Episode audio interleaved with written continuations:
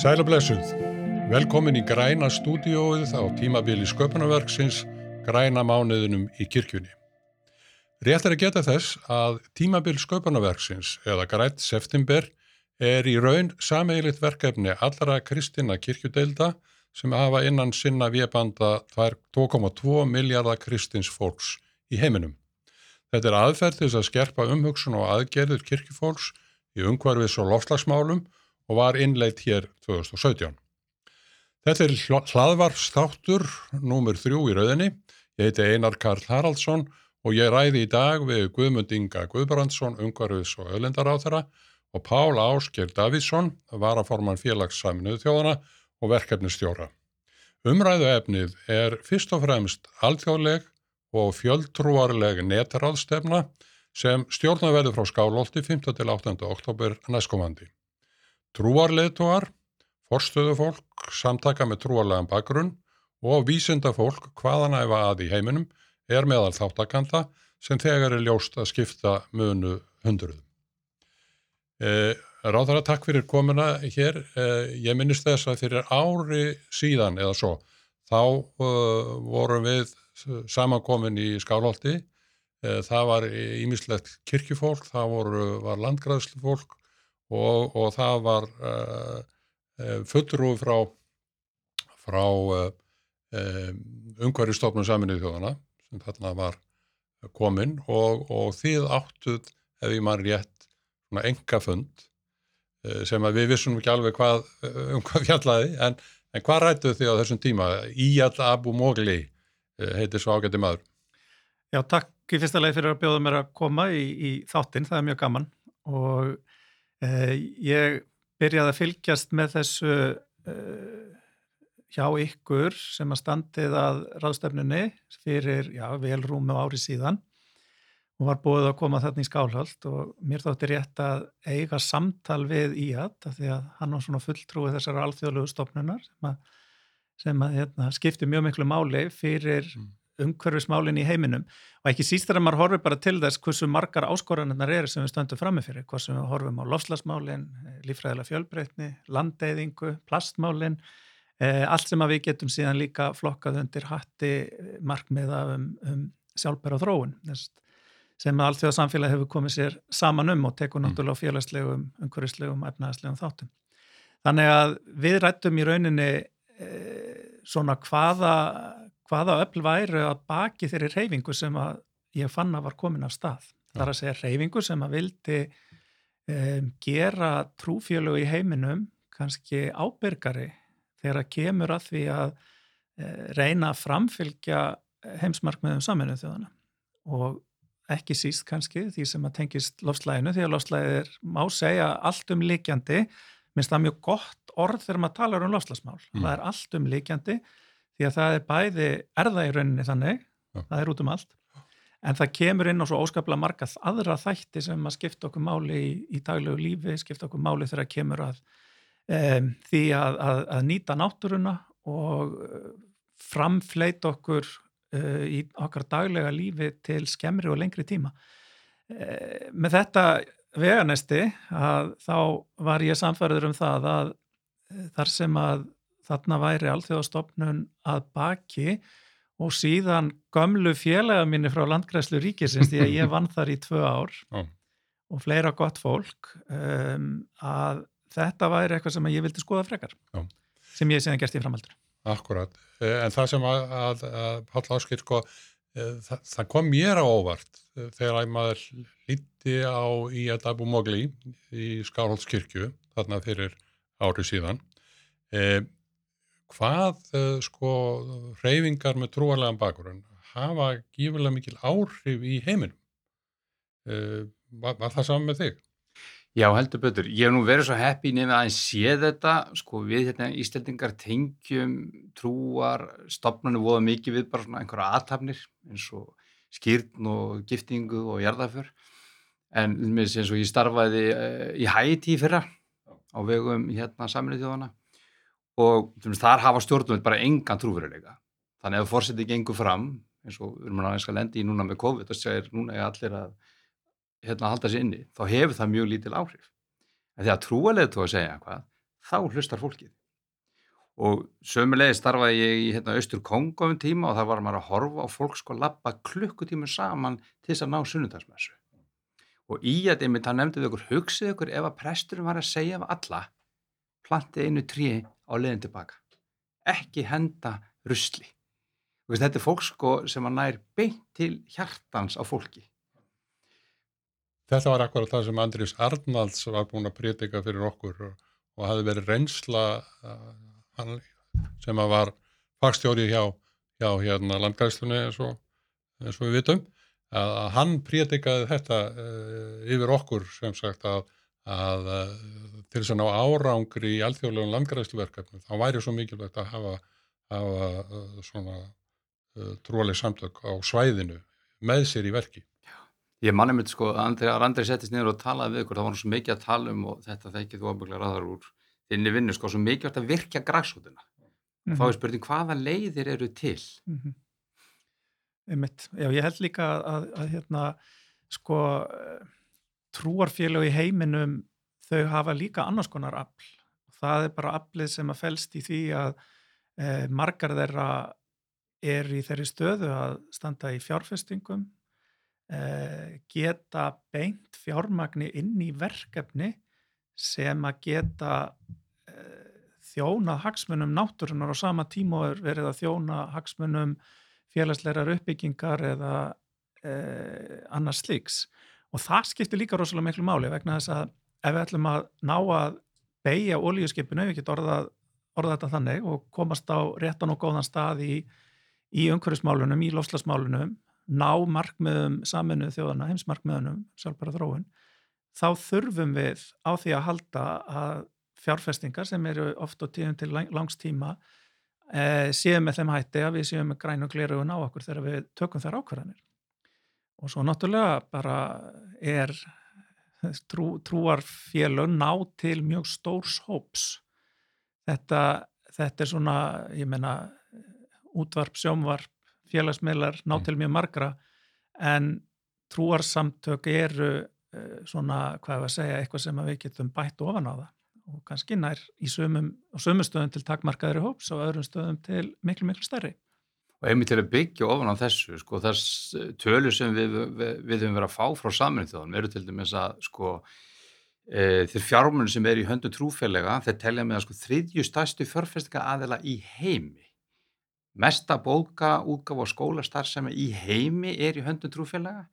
Og hérna e, þeirra sko e, sjónvastöðar, útvörp og fleira e, er meira heldur en allt Evropasambandi saman og á sama tíma þetta mikla aflér til þá hefur það ekki verið virkjað með ja, kerfisbandum hætt og þyrti í umhverfismálunum sérstaklega Já og við þurfum ekki kannski ekki að líta sko fjærri okkur heldur því að dæmis í Svíþjóð þá eh, byggist þar kirkjunar og meira og minna á, á egnarhaldi á skóum og ég held að þessi svipaði í, í anglíkonsku kirkjunar í Brellandi og það skiptir náttúrulega máli hvernig, hvernig eh, kirkjan verður með sína skóa. Já, ég man eftir að ég bjóð í bandarækjunum í tvö ár og verið námið þar að þar kynntist maður svolítið mikið sko í gegnum, maður sáða á fólki sem að sóti kirkju uh, að það var allt sjálfbóðarlega starfið í kringum það.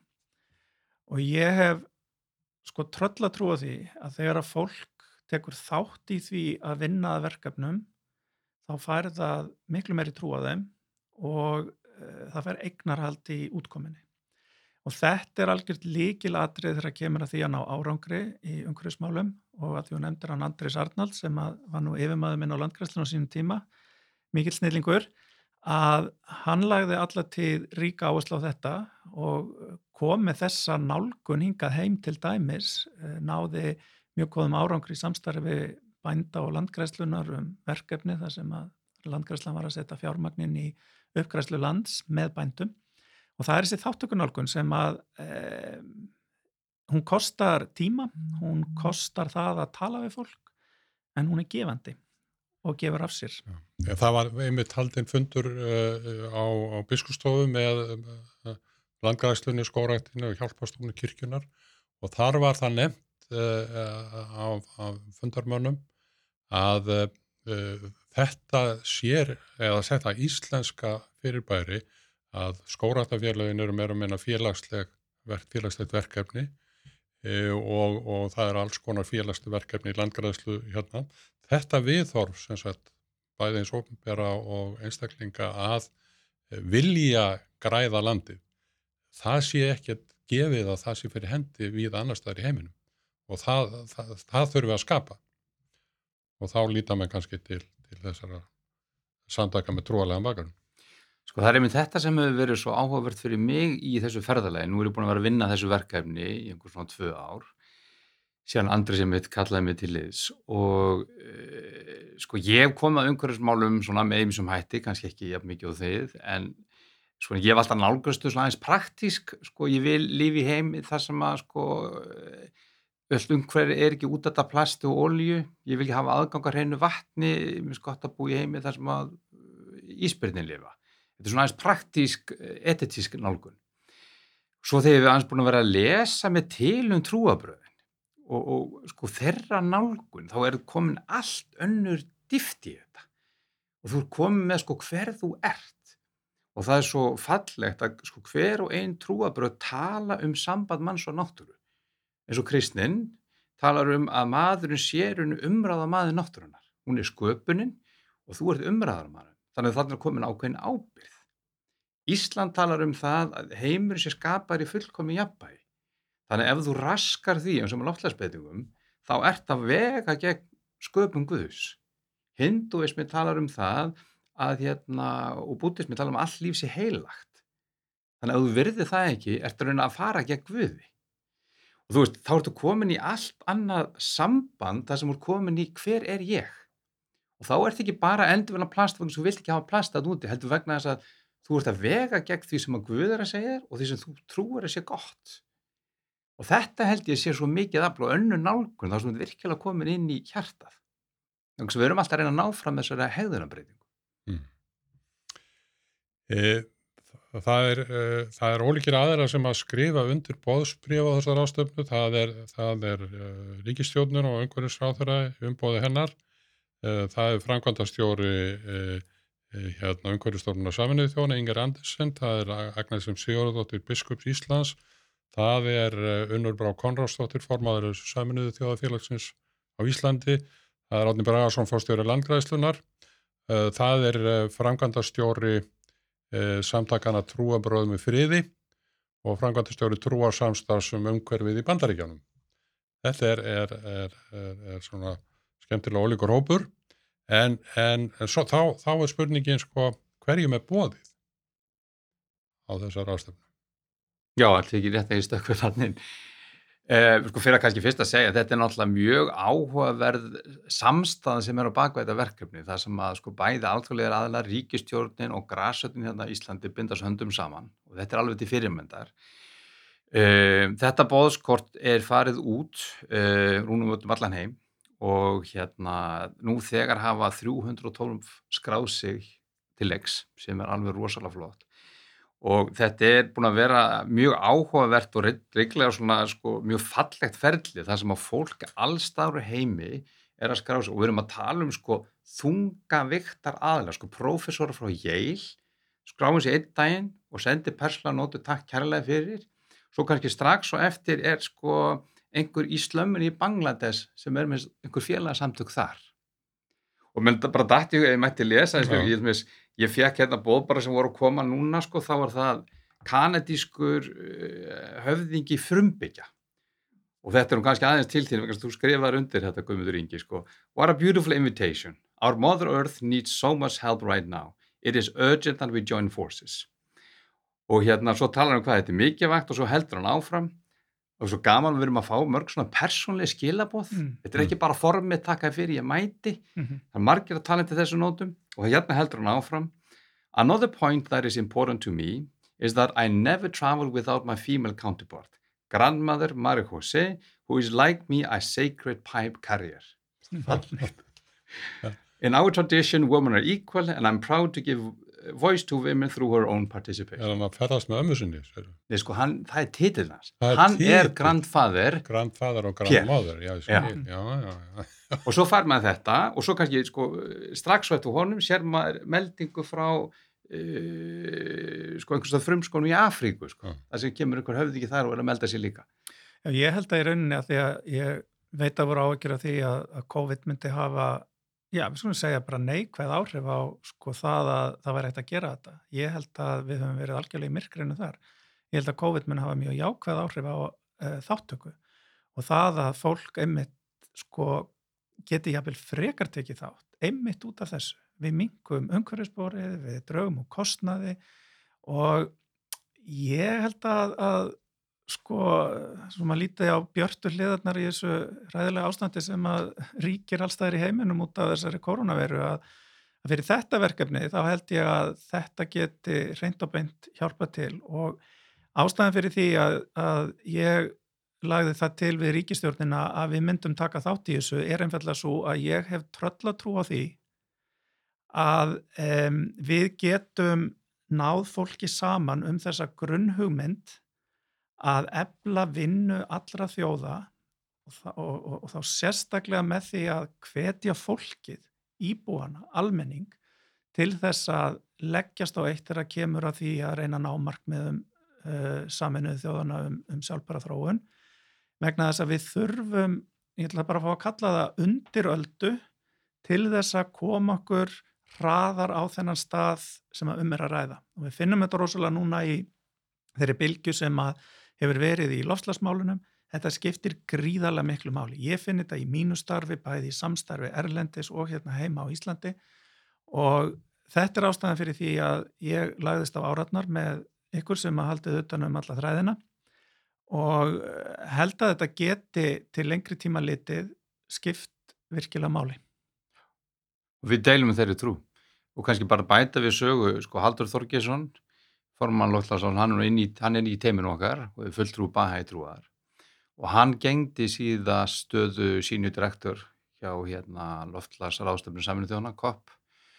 Og hann talaði um það sko hvað áhrif það hefði harft á fulltrú hins kristna heims þegar Páfinn kom fram með Laudato Si á sínu tíma. Mm -hmm.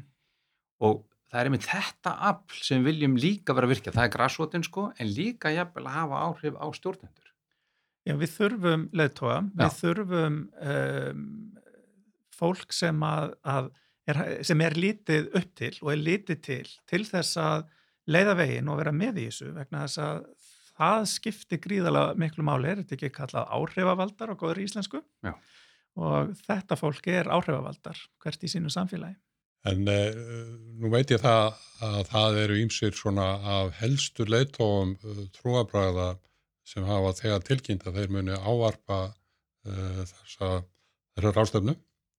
Uh, Já, þetta hefur alveg gengið merkilega vel og aftur sko vil ég þakka þetta skemmtilega samstarf vegna þess að þannig gegst þú inn ráðara og, og, og ásand Katrínu og þið sendu bóð í eitthvað nafni til svona aðstu trúaleitóa og auðvitað hefur það áhrif að það er ekki einhver jónut í bæ sem er að skrifa heldur þetta brefaðar aðra fyrirgræslu og nú þegar eru búin að fá staðfestingu frá hérna, Martin Jung sem er aðarittari Lutheran World Federation Þeir Jungi, já. Martin Junge, þú þekkir því einhvern veginn, ég veit ekki, já. Já. Og Chief Rabbi David Rosen sem er helst svömstórum með rabbina og hefur meðal annars komið fram á aðstæra þykki saminu þjóðana, magnaður ræðimaður. Og Shani Dungal sem er uh, það sem heitir Principal Representative fyrir Baha'i trúna og His Holiness Radhana Swami sem er meðal æstur og meðal hindutrúar. Og Sister Jayanti Kirpalani fyrir Brahma Kumaris. Og mjög skemmtilegt hún er komið hérna áður, er mjög eftirsettu fyrir lesari. Og var einmitt að segja, skrifa með persónulega sem þetta er væntum og það er konar leitt að geta ekki komið Já. en væri þakklátt að, að geta tekið hérna þennan þátt. Og hérna Venerable Master Xi Cheng Yen sem er hérna leitum meðal bútista. Það, já, já, og, og, og það verður örgulega þarna fulltrúarbæði fyrir katholika og, og, eins og aðra. En, en uh, hugsaðu ykkur hvað hefur nú gerst ef að, ef að uh, þetta fólk hefur komið til landsins uh, hérna Það hefur verið miklu miklu. Já, það hefur sko örgulega verið miklu góttara og það hefur orðið mikil protokoll uh, vandræði því að sumir þessar aðeila líta á sig sem leiðtóa en, en, en eru ekki eh, svona viðurkendir sem leiðtóar lands eða svæðis. Þannig að það getur valdið alls konar vandræðum í, í sambandi við móttökur og öryggiskeslu og, og þess að þar við sleppum við allt þetta. Já, já. Það er ekki bara ágætt. Vel að hreina. en þetta var náttúrulega alveg ótrúlega verkefni sko, þegar, eftir að sko, við fengum ljós frá ríkistjóðinni, var það núna 29. mæði sko, það var verkefnið að, sko, að ákvæða byrju hvernig ætlum við sérna að gera þetta. Við, við getum hvað við viljum gera, við viljum hafa samtal á mellu helstu trúfélag heimsins um mikilvæg gild og trúfélag fyrir heimsmarkmiði og leggja grunn að formlegum samráðsvettfangi en byrju hvernig ætlum við að gera það í miðjum heimsfaraldri. Þannig að þetta búið að vera mikið sko púsluspil að reyna að koma sér saman. Já, já, en, en, en þetta er að gerast, það er ótrúlega. Þetta er að gerast og þá er það spurningin sko hvernig fer ráðstefnan fram eiginlega? Uh, ég veit að, að, að það er, það er uh, samstarfið þessi, þessi miklu samtökur Religion for Peace, trúar, trú fyrir frið. Mm eh, sem er með skrifstofur í 90 löndum mm. og bandaríks samtök sem að samstafssamtök í, í, í trúmálum eh, en, en sko, hvernig, hvernig er þetta skipilagt? Þetta gerist þannig að eh, sko það er ákveðin dagskrá sem er mótuð og uh, það eru þrjú þemur sem við verum að skoða og fyrsta þemað er hérna, bara um aðeins tæpa á því það er eins og vægi gilda og uh, vægi trúar fyrir heimsmarkmiðin Það er áskorunni sem trúfélag standa fram með fyrir til þess að beita sér á þessum vettfangi og leiðin áfram. Og það er nú eru þegar komið 300 aðri sem vilja taka þátt í þessu mikilvæga samtali og það fer þannig fram að það eru í rauninni kjarnar í hverju og einni heimsálfu. Þannig að það er einni í Washington, það er annar í Genf, þriði í Nairobi, fjörði í Bangkok og fymti í Sao Paulo. Og, og svo sá sjött í Skálholti sem er aðal... Sem er kjarnin. Við er... náum að vera kjarnin í þessu samtali En er þetta ekki miklu meiri heims ráðstefna í rauninni heldur en þegar ráðstefnir eru haldnar á einhverjum einum stað og... Já, og bara elitan getur mætt sko. Þú farði ekki til mann úr Bangladesh sem getur flóið til Íslands. Mm -hmm. Þetta er nefnilega, þetta er mjög líðræðislegt, mjög gaman að sjá það sko. Og hérna, og myndi margir hafa sagt sko, nei, ég, fyrst, ég vil ekki ferðast út af sko kolumspori, ég hef ekki efnaði. Og þú þarna geta þeir tekið og setja til hliðs við sko, mannin frá professorn frá Yale og átt þetta samtal. Já, já, en þetta er náttúrulega líka svona tæknileg áskorun og, og, og enda er búið að flýta ljósliðar að lagningu til skálóts og, og skálóts fær, skálót fær aftur þetta höfuðstaðar hlutverk í, í heiminum en kannski, sem hafði hérna í gamla dag já, en kannski fóða nefna þar einmitt vegna þess að við tönum svona margir sér að taka höndum saman sko, þannig að hann er búin að koma fyrirtækinn svo Origo og líka Sonic og eru búin að gefa ákvæmna vinnu þið bara að trúa málefnið. Við höfum ekki tæknið þekkingunni og hvernig það var að gera þetta. Þannig að það er, þetta er enga gerinn, þetta eru græsvotin, þetta eru stjórnvöld alþjóðlega samtök að vinna saman. E, En þá var það spurningin sko hvað, hvað, hvað á að koma út úr þessu? Mm.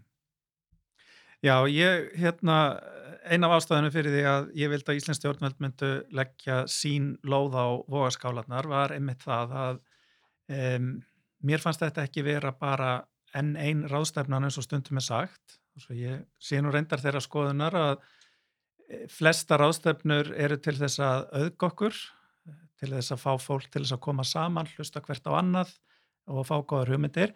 En þessi ráðstefna hún hefur að markmiði að uh, útkoman verði uh, sem sagt tekin og gerðað uh, álíktun fyrir umhverfisting saminuðu þjóðana sem að er haldin uh, annarkvært ár, það, það er haldið annarkvært ár umhverfistingið og ef að þetta tekst vel til á ráðstefnunni, álíktun þá um það að búa til svona vettvang trúarfélaga í heiminum til þess að vinna að framfyllt markmiðana, þess að heimsmarkmiða saminuðu þjóðana að þess vegna svona, það, var, það var svona, já, rúsinan í pilsöndunum fannst mér til þess að taka þátt í þessu og ef þetta tekst vel til að þá munum við náttúrulega gera það sem í okkar valdi stendur Íslands stjórnvöld til þess að koma þessu áfram í góðri samvinnu við, við umhverju stofnum samvinnu þjóðana og, og, og, og fleiri þjóðir eða nú ríki.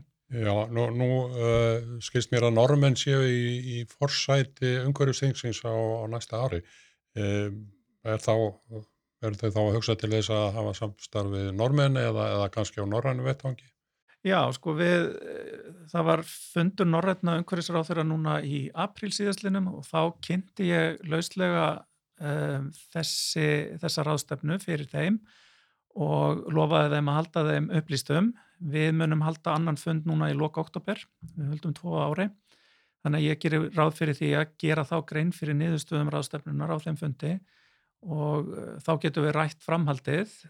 Ég veit ekki, sko normenn eru náttúrulega stýra ráðstefnunum þannig að þeir eru svolítið í hlutverki þeirra sem er að reyna að fá alla til þess að vera með í, í, í því sem er útkoma ráðstefnunar og mér finnst svona það sem að, að mér sínist með nýjan framkvæmdastjóra uh, UNEP eða umhverfistofnuna saminu þjóðana að uh, ég, mér finnst umhverfistofnun saminu þjóðana vera að svona fókusera betur á ákveðna þætti.